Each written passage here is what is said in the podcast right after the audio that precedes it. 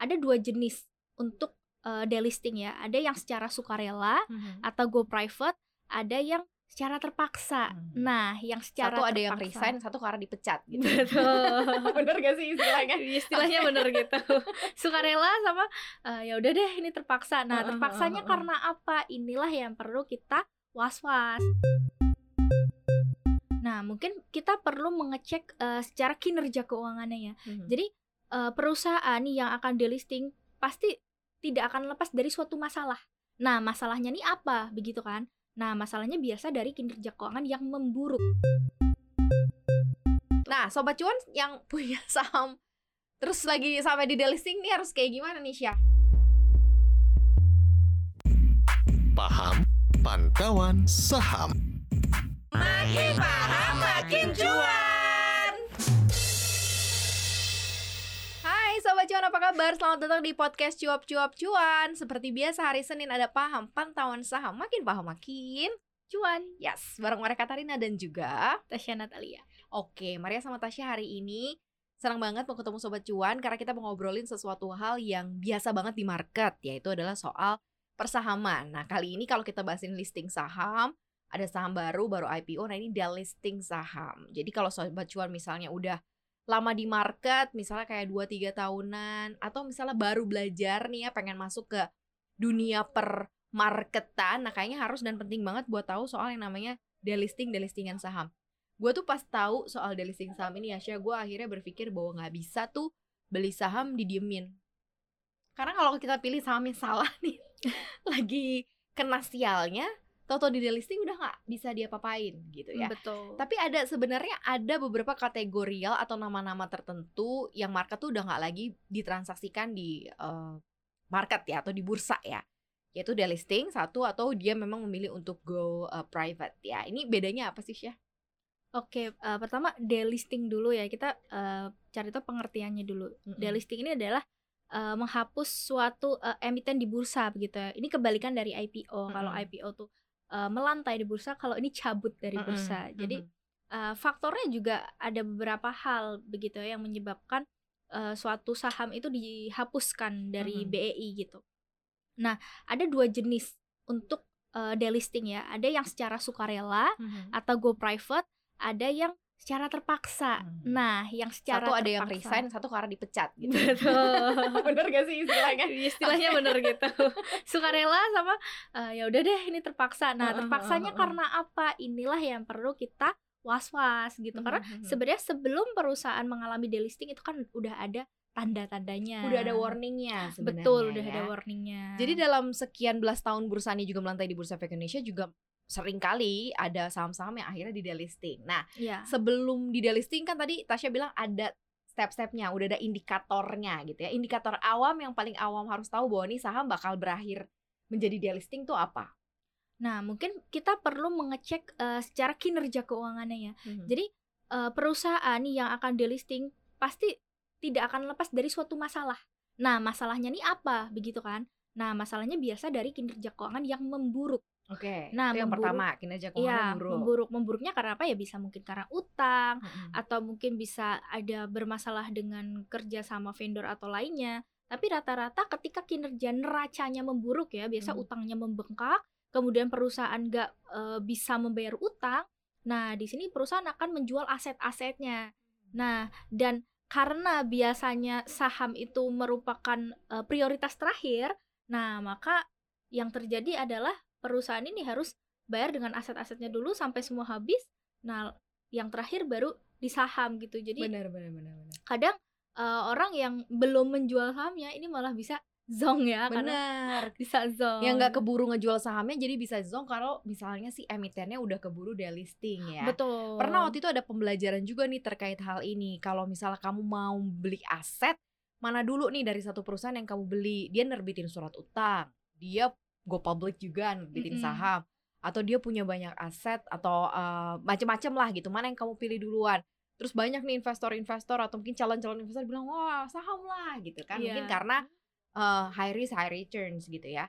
Tapi ternyata dalam struktur kewajiban yang harus dibayar dulu adalah utang. Betul. Jadi yang selamat adalah bagi kamu yang megang surat utang perusahaan itu, benar Iya. ya, ya? Jadi makanya kalau yang pegang saham terakhir nih, Mm-mm. ketika mungkin perusahaan udah bayar utang dan dia nggak punya sisa uang kan di situ, Mm-mm. nah di sini perusahaan jadi nggak wajib dong untuk membayar saham eh, dari suatu investor begitu kan. Jadi ya mau nggak mau orang investor ya harus merelakan begitu. Story-nya sih rata-rata emang banyak yang nggak balik ya. Iya nggak banyak sih yang nggak balik. Nah, biasanya uh, itu kan selalu ada di keterbukaan informasi kan dari bursa sendiri.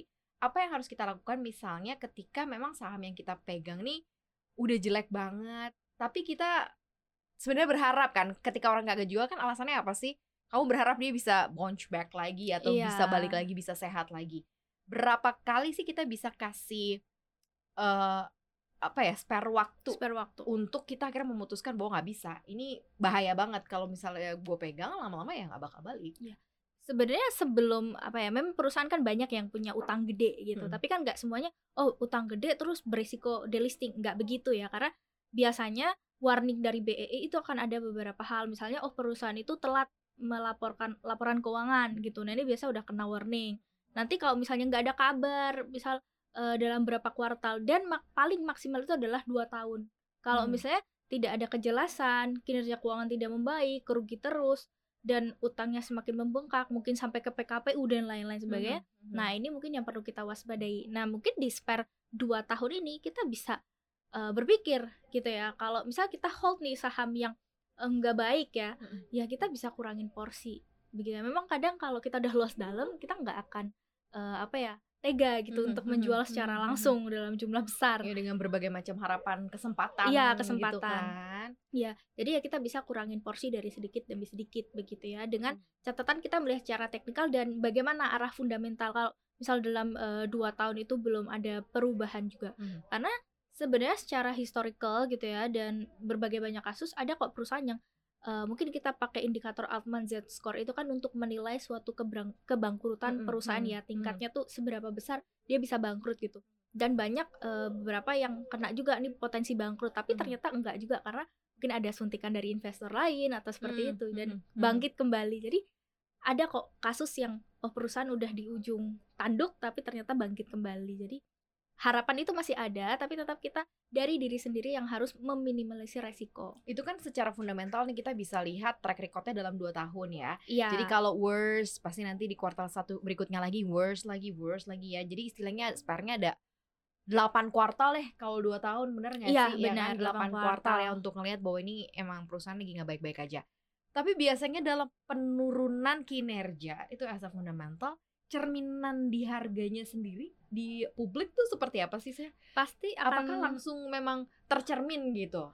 Iya, pasti akan tercermin di harga saham ya, karena segala sesuatu baik teknikal ataupun dari fundamental eh, apa psikologis pasar itu langsung tercermin di harga saham gitu. Jadi kita orang awam aja kita nggak tahu storynya apa, tapi kita bisa melihat oh harga sahamnya kok semakin turun. Ada apa ini dengan perusahaan? turunnya itu bisa masih sesuai dengan logika ataukah mungkin turunnya udah nggak logika nih atau misal kayak kok tiap hari turun nah itu kan juga nggak logik dong ya Iya. kan sebagai salah satu apa namanya pemegang saham kita ngelihat saham yang kita pegang kok tiap hari turun gitu Mm-mm. tapi kalau case-nya contoh misal taruhlah goto ya tiap hari turun tau-tau di hari tertentu ada yang nampung bisa naik lagi kan itu apakah bisa kita similaritikan dengan beberapa saham yang juga sebenarnya secara fundamental jelek gitu Syah Eh, agak beda ya, karena Mhm. kan yang namanya psikologis pasar itu tuh suatu hal yang cenderung kita nggak bisa prediksi. banyak kan perusahaan yang akan bangkrut malah tiba-tiba naik. Ya. Itu sering kali terjadi gitu. Karena Karena kayak ngeprank gitu ya. iya prank Tahu-tahu gitu. Katanya mau bangkrut tapi kok malah naik. malah gitu naik. ya. Jadi ya jadi memang seperti itu ya. Kita nggak bisa prediksi eh, psikologis pasar seperti apa dan secara teknikal bagaimana. Tapi yang pasti adalah ketika kita eh, menilai dari suatu fundamental perusahaan, kita membeli saham itu artinya membeli bisnis.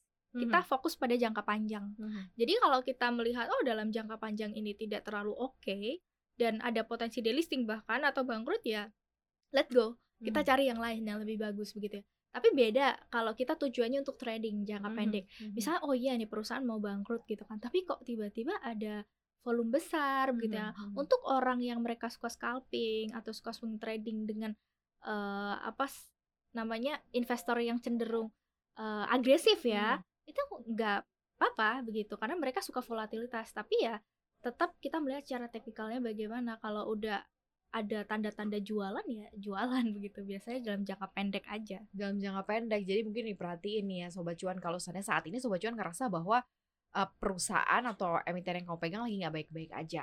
Dari bursa sendiri ada nggak sih kayak papan warning uh, masuk ke papan pengawasan gitu ya kategori tidak melakukan kewajiban misalnya tidak melaporkan kewajiban kan itu kita suka bisa cek ya misalnya Iya. perusahaan ini skip laporan keuangan kemarin atau misalnya di bursa sendiri kalau misalnya ada penurunan kinerja, pun juga langsung di bold merah gitu ya kelihatan gitu ada nggak sih secara apa ya simpelnya gitu mereka menjadikan satu bahwa mungkin saja ini potensial delistingnya tinggi nih saham-saham kita bisa lihat eh, dari tatonya ya kan Hmm. itu BI kan biasa ngasih kan eh, ada tanda gitu Mhm. ini perusahaan misalnya kena tato apa itu kan ada kode-kodenya Mhm. ada A B C dan lainnya nah kita bisa cek tuh di BEI ya misal perusahaan kena eh, apa namanya tato X atau tato apa misal karena ini telat melaporkan laporan keuangan Mhm. atau misalnya dia eh, tidak memberikan company presentation dan lain sebagainya. Jadi eh, itu pasti akan ada tanda-tandanya ya. Jadi Mhm. Kalau lebih baiknya ya, kalau kita eh, melihat suatu saham gitu kan, kok ini perusahaan ada tatonya begitu. Ya, ya, Ya ya, kita ya. cari tahu ini tato apa gitu. Mhm, Kalau mhm. misalnya oh ini tato yang negatif, Mhm. ya sudah eh, lebih baik jangan masuk begitu Mhm. ya. Kecuali ada beberapa eh, seperti saham Goto dia kan tatonya karena eh, ini ya karena nilai nominal satu iya. gitu-gitu kan karena Karena untung. beruntung ya kita lihat juga di teknikalnya karena Iya. memang preferensi investor kan beda-beda ya apa pelaku pasar itu kan ada yang mau trading ada yang mau investasi gitu jadi ya Mhm. eh, kembali lagi ke strateginya masing-masing strategi masing-masing ya. Oke, eh, dari awal ketika perusahaan itu listing Nisha, sebenarnya kita udah bisa nggak sih eh, melakukan filter untuk kita sendiri nih sebagai seorang smart investor gitu ya untuk nggak masuk ke dalam jebakan Batman. Karena kan kalau misalnya masing-masing dari perusahaan ini mau listing tuh tujuannya masing-masing. Iya. Ada yang mau beli aset, ada yang mau bayar utang, ada yang mau ngembangin usaha, ada yang mau bahkan tuh waktu itu ya ada satu perusahaan dia itu mau listing karena dia mau beli aset padahal aset itu adalah hunian atau rumah milik owner dan ini dia bikin dia mau listing untuk dibeli gitu loh perusahaan apa namanya rumah ini Rumah untuk untuk eh, per- anggaplah perusahaan yang membeli jadinya gitu. Tapi dia menggunakan uang publik.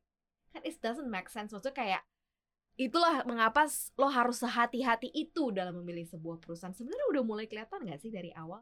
Sudah ya. Kan perusahaan kan mengeluarkan pro- prospektus ya. Mhm. jadi penting banget buat kita tuh baca prospektus. Karena di situ udah terlihat kayak misalnya oh dia rencana IPO tuh berapa banyak? Terus ini kira-kira setara dengan free float atau kepemilikan publik tuh berapa banyak kan minimal ya free float yang sehat itu adalah tujuh setengah ya persen 7,5%. gitu kemudian akan ada rencana penggunaan dana nah kita harus pinter-pinter baca di situ karena rencana penggunaan dana tuh kadang seamless banget kelihatannya kayak benar ini untuk mengembangkan usaha Iya. ya kan apa usaha apa usaha apa gitu. Karena saya baca juga kayak eh ini buat beli tanah juga sama Hmm. tanah, tapi ini tanahnya juga dari owner, tanah Dan- owner jadi kesannya kayak perusahaan yang beli iya gitu perusahaan kan yang beli. Kemudian tapi ujungnya tanah ini untuk pengembangan usaha, untuk ekspansi usaha. Ya benar untuk ekspansi usaha, tapi kan kita Hmm. melihat itu perusahaan beli dari mana, terus ujung-ujungnya kan untuk apa? Untuk bayar utang gitu ya. Mm-mm, Jadi kita mm-mm. harus bisa memfilter apakah eh, penggunaan dana yang digunakan ini benar-benar untuk ekspansi usaha atau untuk bayar utang aja seperti itu. Mhm. bukan berarti yang untuk bayar utang tuh salah ya sobat cuan. Ada beberapa case yang memang akhirnya dia terselamatkan eh, dari hutang-hutang karena go public tapi setelah itu dia Iya. performnya jauh lebih bagus gitu ya. Tapi kita harus memang hati-hati dalam memilih perusahaan. Nah ketika kemudian listing delisting delistingnya kalau sukarela ya udah whatever ya. Mungkin dia mungkin bisa balik lagi gitu kapan pun ya. Kalau yang dipaksa untuk diri di dipecat ini mungkin nggak sih ketika once kemudian dia rebranding atau kemudian dia um, memperbaiki kinerjanya makin oke dan ia mencoba lagi keberuntungan untuk being go public uh, mungkin nggak sih bisa possible Possible sih mungkin Hmm. ya. Hmm. Ada kemungkinan tapi sangat kecil. Karena ketika perusahaan itu sudah mungkin ya bangkrut ya dalam tanda kutip, mereka kan sulit gitu untuk mereka bangkit kembali dan itu takes time Mhm. dan waktunya mungkin bisa lebih lama begitu ya. Kecuali kalau sekarang kan ada investor gitu yang mau masuk gitu Hmm. kan. kemudian mau menyokong lagi neracanya biar kuat, ya itu ada kemungkinan. Tetapi kembali lagi ke poin awal, ketika perusahaan model listing ini kan ada kewajiban-kewajiban. Mhm. Nah, mereka harus melunasi itu dulu. Nah, nah, nah, benar ya. Dan melihat juga rapotnya kesalahan nih perusahaan dulu kenapa nih, kenapa dipecat gitu ya, kenapa dipaksa untuk keluar dan kenapa dia waktu itu di delisting supaya juga bisa menjadi catatan ya. Jadi kalau misalnya branding aja udah cakep aja, kalau kewajiban-kewajiban yang nggak diselesain ya udah gitu ya. Iya, betul. Nah, sobat cuan yang punya saham terus lagi sampai di delisting nih harus kayak gimana nih Syah? Oke. Nah, ini kan tadi aku bilang ada waktu 2 tahun lah ya. Mm-mm, mm-mm. Nah, jadi ya pertama kalau misalnya ini perusahaan masih ada di pasar reguler gitu, Mhm. masih eh, belum disuspend, ya kita bisa jual lah. Antri Hmm. aja dulu, walaupun yang kadang beli ada apa nggak nggak tahu. nggak tahu. Tapi antri aja Iya, dulu ya. Antri aja dulu, karena biasanya ya walaupun likuiditasnya nggak rame gitu Bener. kan, antriin aja dulu. Terus yang kedua, kalau misalnya nih udah mulai disuspend, ya kita eh, cek-cek. Ini misalnya kapan nih dibuka suspendnya. Kadang bisa eh, dia disuspend terus, tapi ternyata dibuka di pasar nego. Jadi ya, Oh, I see. ya jadi cek juga di pasar nego ya. Kita bisa antri aja di pasar nego. Dan biasanya kalau di pasar nego itu kan ya harganya tawar menawar lah ya. Kita Mm-mm. tahu siapa penjual dan pembelinya. Tawarlah di harga yang lebih rendah. Mm-mm. Karena memang kita kan tujuan utamanya adalah bukan lagi mencari keuntungan, tetapi Hmm, untuk mempertahankan uang. Dan meminimalis, bukan minimalisir ya. Sedikit mungkin deh, jangan sampai los-los banget, hilang Iya, banget gitu betul. ya. Jadi ya kalau bisa eh, kita persiapkan serelanya kita berapa nih lossnya dan kita tawarkan di pasar nego gitu. Hmm, Jadi ya eh, harapannya biar kita paling nggak gak los-los banget gitu. benar, benar. Kemudian yang eh, mungkin ketiga kemungkinan kecil ya kalau Hmm. relisting bisa sih tetap disimpan sahamnya. Tapi Kalau ini ada- kecil banget tapi ya kecil banget. itu udah yang bursa. paling mentok lah. Jadi pertama kalau bisa jual aja dulu. Yang paling aman sih itu ya, dijual rugi memang pasti, tapi setidaknya ada uang kembali yang mungkin bisa kamu taruh di saham lain yang opportunity-nya juga mungkin jauh lebih baik daripada yang kamu Iya. pegang sekarang ya. Dan lebih berhati-hati eh, sobat jual. Jadi kadang kita tuh mikir gini, ayo dong listing di Bursa Efek Indonesia biar pilihan sahamnya banyak gitu ya. Nggak gitu juga gitu, bahwa ternyata itu berat juga sebenarnya Berat, buat iya. investor dan buat perusahaan pun juga sebenarnya harus berlomba-lomba juga bisa biar bisa jadi pilihannya investor di publik gitu kan. Thank you banget sih ya. Ini asik banget ngobrolnya soal delisting Delisting. delistingan ya. Nanti kita kasih lagi informasi yang lebih detail lagi buat sobat cuan soal topik-topik lainnya. Yang jelas terima kasih banyak ya sobat cuan udah dengerin kita berdua di sini. Jangan lupa dengerin konten-konten podcast kita lainnya di Apple Podcast, Google Podcast, Spotify, dan Anchor. Follow akun Instagram kita di @cuap underscore cuan dan subscribe YouTube channel kita di cuap cuap cuan. Di like, di share, dan juga di komen. Terima kasih Sobat Cuan udah kita berdua di sini. Maria dan Tasya pamit. Bye-bye.